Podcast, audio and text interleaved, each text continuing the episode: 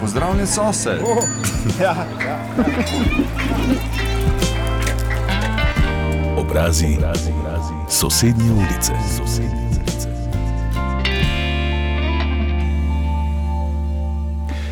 Lepo pozdravljeni. Tokratna gostja oddaje Obrazi sosednje ulice je Andreja Prel, projektna menedžerka pri Nacionalni zvezi Združenih arabskih emiratov za avtomotošport. Dobrodošli. Lepo zdrav vsem skupaj.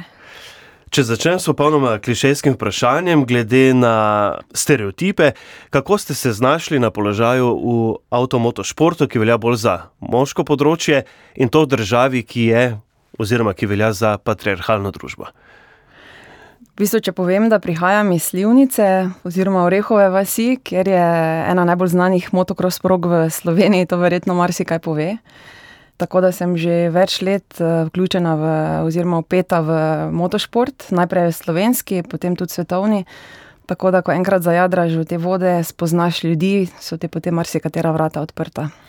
Kot ste dejali, ste iz Slivnice pri Mariboru ne? in motocross je bil res v neposrednji bližini in od malih nog pravzaprav že spremljate ta šport. Kako Tako. se je vse skupaj začela, ta vaša zgodba z motocrossom? Ja, Radizelska proga je že odnegdaj gostila svetovno in evropsko prvenstvo v motokrosu. In potem je nekako večji del vasi praktično vključen v organizacijo. Tako da, ko smo bili mlajši, smo skupaj s prijateljicami delali že v medijskem središču, kopirali rezultate, pomagali pri organizaciji in potem te tako nekako ta pot vodi naprej. Kaj vas privlači pri avtomotošportu? So to motori, avtomobili, adrenalin? Adrenalin in definitivno motorje. Sami pa prihajate iz glasbene družine, ne? zato ste se po uh, srednji šoli odločili za študij glasbe na Mariborski pedagoški fakulteti. Kaj je vaša prva ljubezen, uh, motošport ali eh, glasba? Prva ljubezen bo vedno glasba, vendar pač tega ne upravljam profesionalno. Če se malce eh, podrobneje sprehodiva po vaši poti, ki vas je pripeljala v Dubaj, v Združene arabske emirate, na to delovno mesto, kjer ste zdaj. Eh, namreč, kot ste sami dejali, že v mladosti ste se srečevali z eh, avtomoto sceno, torej z motokrosom konkretno, ne? potem pa tudi pri vašem delu. Ste bili zmeraj upeti v avtomobilizem? Ja, vse se je začelo z študentskim delom. Praktično, ko sem študirala glasbo, sem kot študentka začela delati na medijski agenciji. In potem me je to nekako pripeljalo v medijske vode. Bilo je zelo zanimivo, potem kasneje je bilo ogromno potovanj, uh, ki sem s slovenskimi motokrosisti, takrat večinoma s Sašem Kragljem, ogromno potovala po svetu in po dirkah. Potem pa na ta način spoznaš ljudi, prideš v ta krok in uh, je bilo zelo zanimivo. Potem pa ste uh, se zaposlili oziroma delali za Avtomoto zvezo, ne slovensko.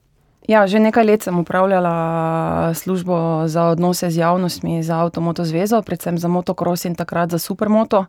Potem se je to razširilo še na Speedway in na zadnje sem se tam tudi zaposlila na, kot vodja področja za avtomoto šport in karting.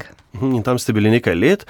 Potem pa ste se odločili za potovanje v Dubaj, v bistvu za dopust, in potem se je vse skupaj nekako spremenilo, obrnilo na glavo, čez noč, skoraj da. Ne? Ja, tako je. Potem sem spoznala takratnega predsednika Avtomoto zveze v Združenih arabskih emiratih, Mohameda Ben Sulajema, s katerim sva se dobila na enem sestanku, ki je bil pa že uh, intervju za službo in se je zgodilo v bistvu čisto nekako slučajno. Uhum. Ko ste bili na dopustu v Dubaju, ste razmišljali, vam je bilo mesto všeč in ste razmišljali, da bi morda si tam poiskali kakšno službo. Kako je prišlo do tega sestanka, do, do te vaše službe eh, v Avtomoto zvezi Združenih arabskih emiratov? Eh, prvič sem bila na dopustu že prej v Združenih arabskih emiratih in v Omanu, in me je ta arabski svet čisto prevzel. In nekako seveda začneš razmišljati, da mogoče bi pa to bilo to, ena dobrodošla sprememba. In sem malo začela iskati, ampak eh, to, da sem pa potem pristala na zvezi, se je pa zgodilo čisto slučajno. Ampak eh, klic se je zgodil na vašo pobudo, ali kako ste se našli potem z eh, predsednikom tedanjim Avtomoto zveze Združenih arabskih emiratov? Srečala sva se na enem sestanku v Evropi in sva se potem v bistvu tam začela pogovarjati, in tako je potem prišlo do tega sestanka v Dubaju. In potem ste morali precej hitro sprejeti odločitev, daljine, ali ja, se preseliti so, in sprejeti službo.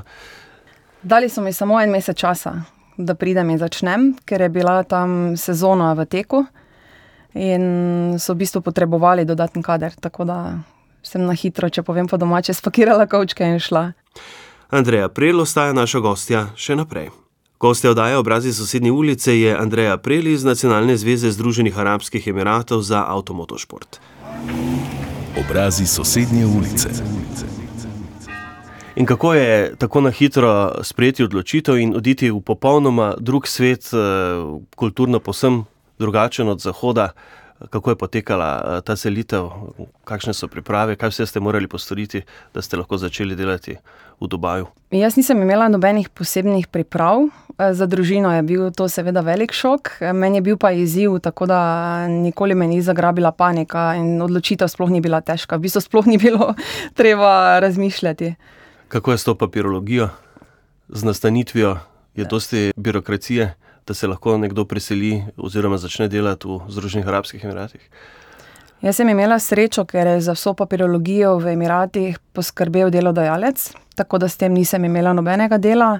Je pa bilo kar nekaj papirologije in letanja sem ter tja v Sloveniji, ker je bilo treba overiti diplomo. To je bil pogoj, eh, torej tako. diploma. Ne? Kakšni pa so bili, seveda, vaši prvi vtisi, ko ste prišli tja ne na dopust, ampak na delo, namreč eh, novo delovno okolje v novi državi? Verjetno je bil kar velik šok, so precejšnje razlike. Ne? Razlike so precejšnje, vendar po pravici povedano, sem se kar hitro navadila proti pričakovanju, glede na to, da prihajam iz vasi in se potem preseliš v vele mesto, ker sem predtem že ogromno potovala. Tako da sem nekako sprejela vse te stvari in v bistvu se moraš prilagoditi, če ne pač nisi za tja. No, kakšne so te razlike, recimo, ki ste jih prvo opazili, kaj vas je presenetilo v tako pozitivnem kot negativnem smislu? Morda? E, ko prideš v center Dubaja, v, te, v ta razna znana središča in te najbolj turistične točke, seveda vse zelo čisto in urejeno. Ko pa greš malo bolj na obrobje ali pa v nek kraj, kamor sicer turistov ne odpeljejo, te pa tudi zna kaj negativno presenetiti, ker v Dubaju živi več kot 200 nacionalnosti, ljudje iz več kot 200 uh, eh, različnih narodnosti, kar zna biti velik kulturni šok, ker so seveda ljudje različni. Največ je Indicev, potem so tukaj Pakistanci, veliko je Filipincev, Angležev. Kaj pa kakšne razlike, recimo na delovnem mestu, v delovnem okolju, so drugačne navade? Ja, Arabci so zelo počasni, radi zamujajo.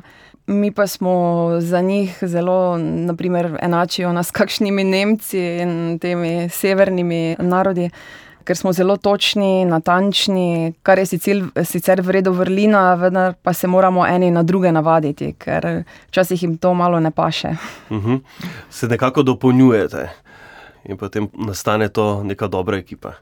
Tako, pri nas je recimo zelo slabo, če nekdo zamuja, tam je pa to nekaj normalnega. Torej, bolj ležerno vzdušje. Ja. Uh -huh. uh, Dubaju zdaj že živite štiri leta. Kakšno je pravzaprav tamkajšnje vsakdanje življenje? Vas še kaj preseneti, še odkrijete kaj novega pri vsakodnevnem življenju? Dubaj se tako hitro razvija, da je v bistvu vsakič nekaj novega. Ko že misliš, da si počrpal vse stvari, da si se že vse ogledal, potem se pojavi spet neka druga atrakcija, ki si jo je vredno ogledati. Tako da življenje tam je vse prej kot dolgočasno. Kaj pa je vaša naloga na Nacionalni zvezi Združenih arabskih emiratov za avtomotošport? Kako poteka delo, kaj je vaše področje, s čim se ukvarjate? Ko sem se pridružila, sem sodelovala bolj s predsednikom, sem bila bliže predsedniku Mohamedu Ben Sulajemu, ogromno je bilo službenih potovanj. Potem pa se je on odločil za predsedniško funkcijo na FII, na Mednarodni avtomobilistični zvezi. Tako da sem bila vedno bolj upeta v motošport, kar mi sicer zelo ugaja, ker je motocross tista prva ljubezen, oziroma motošport je tista prva ljubezen. Eh, tako da sodelujem z oddelkom za motošport in imamo več kot 150 dirk na leto. Uh -huh, različnih, ne? malo prosim, naštejte, katere so te dirke, kaj vse pokriva vaša zveza. Veliko je dela s Formula 1 v Abu Dhabiju, potem imamo cross country svetovno prvenstvo in svetovni pokal, potem so tukaj razne pokalne in azijske dirke v, v hitrostnem avtomobilizmu kot Ferrari Challenge, Ferrari Middle East, uh, eh, GT Challenge, Formula 3, Azijsko prvenstvo, Formula 4. In pa od motošporta, potem v glavnem so relije, ker je pač največ puščave, tako da ogromno je relije, motokrosa in pa nekaj cestno-hitrostnih dirk. Torej ste upeti v večino teh dogodkov, pri vašem delu tudi. Praktično vse. Vse. Torej, časa, prostega časa ni ravno veliko, glede na to, kaj opisujete. Med tednom definitivno ne, potem pa, ko je sezona, so tudi vikendi popolnoma zasedeni. Ostanite na valovih Radia Maribor, z gosti Andrejo Prel bomo namreč kmalo nadaljevali pogovor. V naši zgodnji popodanski sobotni družbi je projektna menedžerka pri Nacionalni zvezi Združenih arabskih emiratov za avtomotošport Andreja Prel. Obrazi sosednje ulice. Kako pravzaprav torej izgleda vaš delovni dan? Ali delovnik traja 8 ur ali več? Delovnik je 8 ur pa pol, ker malica ni plačana oziroma ni všteta v delovnik, tako kot je to navada v Sloveniji. Začnemo delati ob devetih in potem končaš tam najhitreje ob pol šestih, večinoma pa ob šestih, tako da si skoraj ves dan v službi.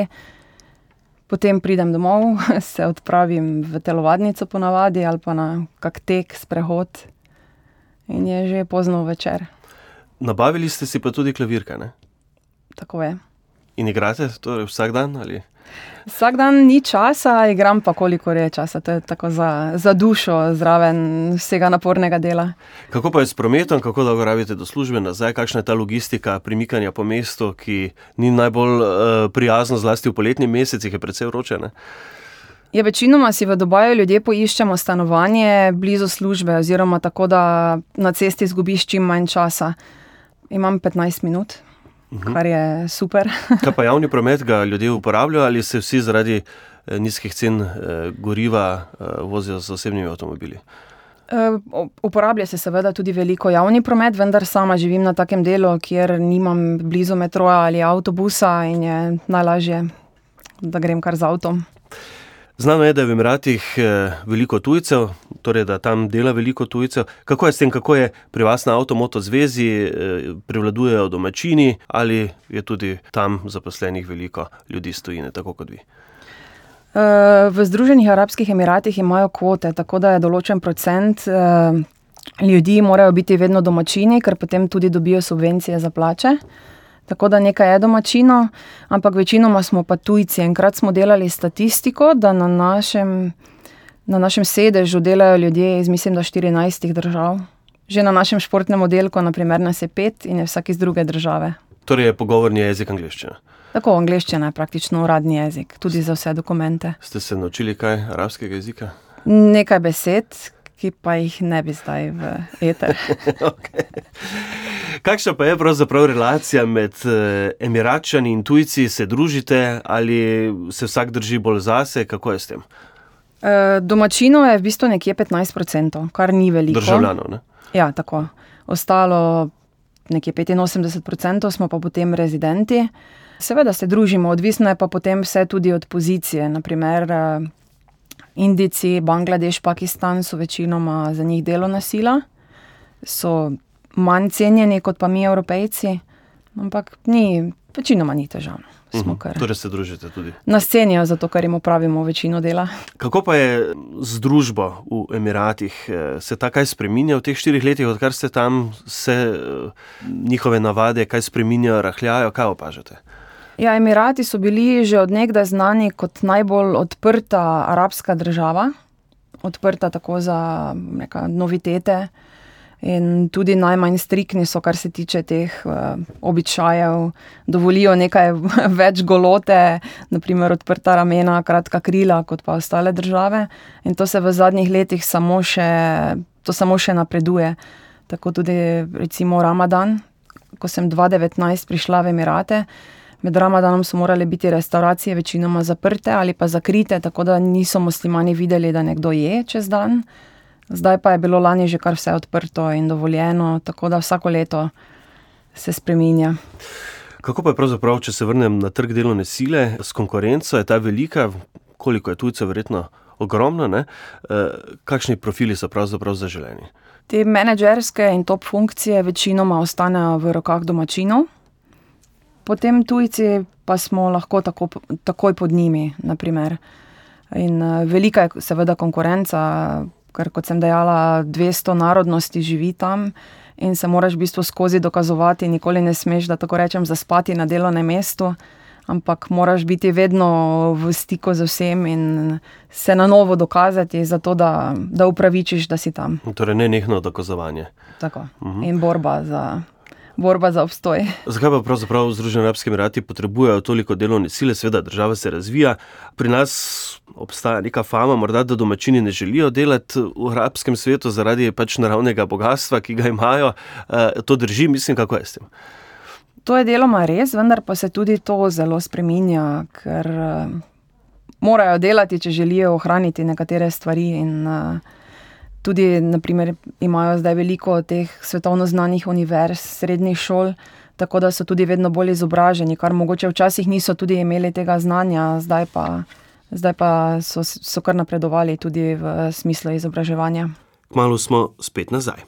Z nami je Andreja Prel, Štajerka, ki že štiri leta biva in dela v Dubaju kot projektna menedžerka pri Nacionalni zvezi Združenih arabskih emiratov za avtomotošport. Obrazi sosednje ulice. To vas moram še vprašati, ob tem, da ste tujka v Emiratih, ste v tej takšne, torej percepcija, dominantni moški družbi, kot ženska na odgovornem položaju, prišli kdaj v konflikt ali pa ne vem, so vas gledali po strani, kako je s tem v poslovnem svetu, imate s tem kakšne težave, ker ste ženska na, na določeni poziciji? Ne, se kar skušam nekako enačiti z njimi, ker v bistvu, ko sem bila tudi že v Evropi, upeta v motošport, se je bilo potrebno boriti za to, ker tukaj moški, kar se tega tiče, večinoma niso drugačni. Ko vidijo žensko v motošportu, se jim takoj zdi, da je nekaj manj vredna oziroma da mogoče ne ve toliko kot oni. Ampak ne, nikoli nisem imela občutka, da sem kot ženska manj vredna. So pa predvsej zadržanje, ne? fizičnega stika ni, ne, z žensko. Tako zgodi se ti na kakšnem sestanku, da se rekujejo z vsemi, s tabo pa ne, ker si ženska. Emiratska avtomoto zveza, torej, eh, kot ste že dejali, sodeluje pri organizaciji vseh pomembnih avtomobilističnih, eh, motorističnih dogodkih v državi. Kako eh, izgleda tak dogodek, kaj vse je potrebno postoriti v zadju, da prireditev na tako visoki ravni uspe, koliko ljudi je upetih v to dogajanje, v pripravo? V samo organizacijo dirke v Abu Dhabiju je upetih nekje okrog tisoč ljudi, od tega je 700 samo teh, kot jim mi pravimo, volonterjev, officialsov, ki so zadolženi za mahanje z zastavami, potem za, naprimer, če se zgodi nesreča, odstranijo avtomobile, za logistiko, za en kup drugih stvari. Ti ljudje so pod našim okriljem, tako da v bistvu priprave se začnejo že takoj po prejšnji formuli ker začnemo z izobraževanjem in z iskanjem teh ljudi, ki bodo primerni za naslednjo formulo. Tudi potrebno jih je potem registrirati in tako naprej. Torej, ogromno logističnega dela. Tako da priprave v bistvu trajajo kar skoraj celo leto. Kako je priljubljen ta šport med eh, prebivalci? Seveda prihaja ogromno turistov, stojine tudi na te dogodke, kaj pa med samimi domačini? Ja, so zelo takšni eh, adrenalinski friki ker se ogromno vozijo po puščavi, nafta ni draga, lahko si privoščijo dobre avtomobile. Tako da se veliko krat zgodi, da kakšne recimo skupine prijateljev kar zakupijo dirkališče za kako uro, dve popoldan. E, veliko je tega in avtošport je bolj popularen recimo kot motošport. Kaj pa drugi športi? Zdaj nogomet, verjetno zaradi svetovnega prvenstva v bližnjem Katarju, e, je popularnost e, poletela v nebo. S čim se ukvarjajo? Športajo, kaj domačini? Ja, veliko je nogometa, kot ste dejali, in pa potem dvoranskih, recimo squash, potem uh, pedal tenis. In pa telovadnice so polne, veliko je telovadnic, fitness centrov in osebnih trenerjev. Tja hodite Tako, tudi vi, ne? Ja, začela sem spet trenirati kickbox, ki sem ga trenirala že v Mariboru, predtem pri Tomažu Varedi. Eh, zdaj pa nekako to nadaljujem, ker poleg naporne službe rabiš nekaj za sprostiti, malo adrenalina. Kaj pa poleti? Eh, verjetno je tako vroče, da eh, neke zunanje aktivnosti, eh, tek odpade. Kako je s temi letnimi časi, z vročino, kako se soočate s tem? Vročine ne prenašam najbolje, po pravici povedano, ker je res zelo naporno, ko je vroče, potem pa še visoka stopnja vlage, zato pa imam klavire. je pa vse klimatizirano. Ne? Ja, je vse klimatizirano in veliko ljudi, tudi ki pridejo na obisk, potem zbolijo, ker niso navajeni te močne klime živite v Dubaju, pa vendar le verjetno za štirih letih ste si uspeli ogledati državo po dolgem in počes. Morda kakšne razlike med posameznimi emirati, med posameznimi predeli države? Ja, kot vemo, je Abu Dhabi glavno mesto, ampak ko si tam, imaš občutek, da je glavno mesto Dubaj. Ker se večina stvari se dogaja praktično v Dubaju, je res eno tako vele mesto, ki nikoli ne spi. In vam je bliže kot Abu Dhabi, recimo. Tako je. Ker mi nikoli ni dolg čas, vedno najdeš kaj, da se malo zamotiš, zaposliš. Mhm. Ste si ogledali tudi sosednje države že? Ja, bila sem v Omanu, v Bahrajnu, Kuwaitu. Kakšne so razlike? E, Predvsem so v teh državah še vedno bolj tradicionalni, bolj konzervativni, če tako rečem, ampak narava je pa čudovita. Andreja Prel ostaja naša gostja še naprej. Gostja oddaje obrazi sosednje ulice je Andreja Prel iz Nacionalne zveze Združenih arabskih emiratov za avtomotošport. Obrazi sosednje ulice. Lani je Dubaj gostil Expo, veliko svetovno razstavo, ki je privabil veliko obiskovalcev, in tam so se predstavile praktično tudi vse države sveta, tudi Slovenija. Kako se je Slovenija, po vašem mnenju, odrezala vse te poplavi razstavljavcev, smo bili prepoznavni? Kakšne so vaše občutke, ste si ogledali, ne seveda, razstavo? Ja, ogledala sem si večkrat, je bilo res zelo zanimivo in lahko rečem, in mislim, da tisti, ki so si ogledali, se strinjajo, da je imela Slovenija enega najlepših paviljonov, tudi na top lokaciji, tako ob vhodu. Tako da mislim, da smo bili res odlično predstavljeni. Kako pa je pravzaprav Slovenija prepoznavna v Emiratih, na Bližnjem vzhodu, kaj opažate? Smo sploh prepoznavni, po čem nas prepoznajo tisti, ki nas prepoznajo? V bistvu imam različne izkušnje. So nekateri ljudje, ki še nikoli niso slišali za Slovenijo, pa nas potem kar nekako, a to je pa pri Rusiji, pa jim potem razložim, da je to pa pri Italiji. So pa tudi ljudje, ki te pa presenetijo, ker pa ti rečejo, da so že bili pa mogoče dvakrat v Sloveniji in te kar začnejo naštevati kraje, ki so jih obiskali. Tako da je različno, ampak mislim, da smo kar prepoznavni, predvsem po zaslugi naših športnikov. Torej, kolesarski jaz, da je pogačar, kolesari, zamirate, verjetno njega poznajo domačini. Ne? Ja, poznajo pogačarja, potem v motošportnih krogih seveda poznajo Tima Gajserja, Luko Dončiča. Aha, tudi, tudi košarkarska euforija je v Emiratih spremljala spremljajo. Kot ste dejali, da smo se kar dobro predstavili na Expo, kakšen pa je potencial, glede na to, da so Emirati precej bogati za sodelovanje med Slovenijo in eh, to bližnjo vzhodno državo, eh, po vašem mnenju, dovolj Slovenija izkorišča ta potencial za sodelovanje, kje so te možnosti za nadgradnjo stikov? Bi Slovenija morala več pozornosti posvečati eh, bližnjemu vzhodu oziroma konkretno Emiratov? Tako je, oni v bistvu iščejo nove trge in tudi veliko me sprašujejo o nepremičninah, če se da naprimer kupiti, kam se splača vlagati. In verjamem, da je zdaj kar nekaj podjetij izkoristilo Expo za sestanke in za prihodnja sodelovanja, ker trg je res ogromen in mislim, da se da izkoristiti. Kakšno pa je zdaj dogajanje na nepremičninskem trgu? Brali smo, da se je veliko Rusov, tudi Ukrajincev, preselilo nekako, ne? tisti, ki so imeli denar v Dubaj. Kakšno je zdaj stanje na nepremičninskem trgu?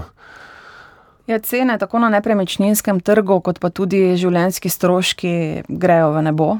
V letu so šli v 2022, po vsej tej vojni in krizi.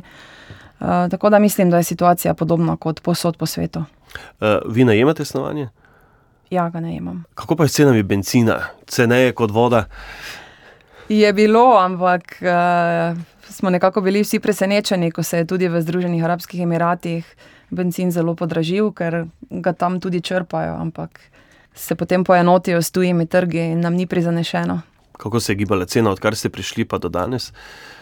Uh, takrat je bila cena nekje 40 centov v evrih za liter potem nekako vrh je bil evro 23, zdaj pa nekje 70 centov. Vrh je bil kdaj med epidemijo? Ne, vrh je bil letos poleti. Aha, letos poleti. Kako pa ste pravzaprav, če sem že omenil epidemijo, doživljali ta čas, eh, kakšni so bili ukrepi v Emiratih? Eh, bilo je eno tako zelo negotovo obdobje. Noben ni vedel, koliko bo trajalo, delalo se je od doma, eh, vsi smo bili zaprti v svojih stanovanjih in tudi ni bilo take svobode, kot mogoče tukaj v Sloveniji, ki smo celo v nekem obdobju potrebovali policijska potrdila, da smo lahko sploh šli do prve trgovine. To je bilo torej tudi precej eh, striktna in eh, resna, ne? resna situacija. Ja, so, kar se takih stvari tiče, so kar striktni in uh, Mogoče se kdo ne bo strinjal, ampak jaz včasih pravim, da bi mogoče vsaj del te striktnosti in spoštovanja zakona morali prenesti pa k nam. Kakšen je pa odnos domačinov do oblasti, do uh, kraljevih družin? Ne? Vsak emirat ima svojo kraljevo družino. Uh, kako gledajo na, na to hierarhijo? Vsa ta oblast uživa veliko spoštovanje, ni sovražnega govora, ker je praktično prepovedan, če tako povem, ni neke demokracije, ampak v bistvu so vsi zadovoljni in nobenemu nič ne manjka. Pogoji za življenje, za delo, za uh, poslovno in zasebno rast so dobri, pravite. Tako. Zdaj ste štiri leta v Dubaju. Kako pa gledate na razvoj Slovenije, z neke drugačne perspektive, oddaleč, kaj opažate? Ja, to je zdaj eno tako zelo težko vprašanje, ker tako podrobno ne spremljam, pa se tudi morda v neko politiko in take komentarje ne bi spuščala. Ampak vse stvari, definitivno se stvari izboljšujejo in smo v določenih branžah kar konkurenčni. Jaz, če pogledam samo po sebi, kakšne izkušnje sem pridobila na Avtomoto zvezi in v Sloveniji, in pa potem, da lahko s tem tudi njih eh, v Emiratih kaj naučim, je to definitivno zelo dobro. Dvakrat na leto nekje je čas za uh, obisk Slovenije, ne, se prihajate na počitnice. Se patriotska čustva okrepijo v tujini? Ste postala bolj patriotka? Ja, to je pa res. to pa mogoče prej nisem bila, potem pa si nekako kar ponosen, ko vidiš, uh, kot smo prej dejali, Slovenijo na Expo, ko vidiš uspehe športnikov ali pa mogoče tudi kaj drugega. Si nekako ponosen na to. Je kaj domotožje? Uh, ne, za domotožje pa niti nimam časa. Aha, je toliko dela. Ja. ja. Koliko dni pravzaprav imate res dopusta? Dopusta je 30 dni, v kar so šteti pa tudi vikendi. Ampak ob eh, današnji tehnologiji in vseh teh aplikacijah v bistvu se ni težko slišati z družino, s prijatelji, tako da smo redno na vezi. In včasih sploh nimamo občutka, da me šest mesecev pa ni bilo doma. In zdaj je tudi redna linija med eh, Brnikom in Dubajem. Ja, od Expa naprej leti Fly Dubai z direktno linijo iz Ljubljane v Dubaj. Tako da nekako priporočam, če še kdo ni bil, da si ogledate naše kraje. Ampak ne poleti, ne? ja, poleti pa ne. Kakšni so pravzaprav zdaj vaši načrti? Boste ostali v Dubaju, ste bolj nemirna duša, vedno iščete nove izzive, vam je še izziv delati to, kar počnete. Kaj načrtujete v prihodnje? Res je, da vedno iščem nove izzive, ampak zaenkrat mi jih v Dubaju še ni zmanjkalo, ker se toliko dogaja, da se še mogoče kar nekaj let vidim tam. No. Nikoli si ne postavljam cilje, ker nikoli ne veš, kam te življenje pripelje. Andrej, prijel, hvala vam za pogovor in vse dobro in veliko uspeha še naprej. Najlepše hvala.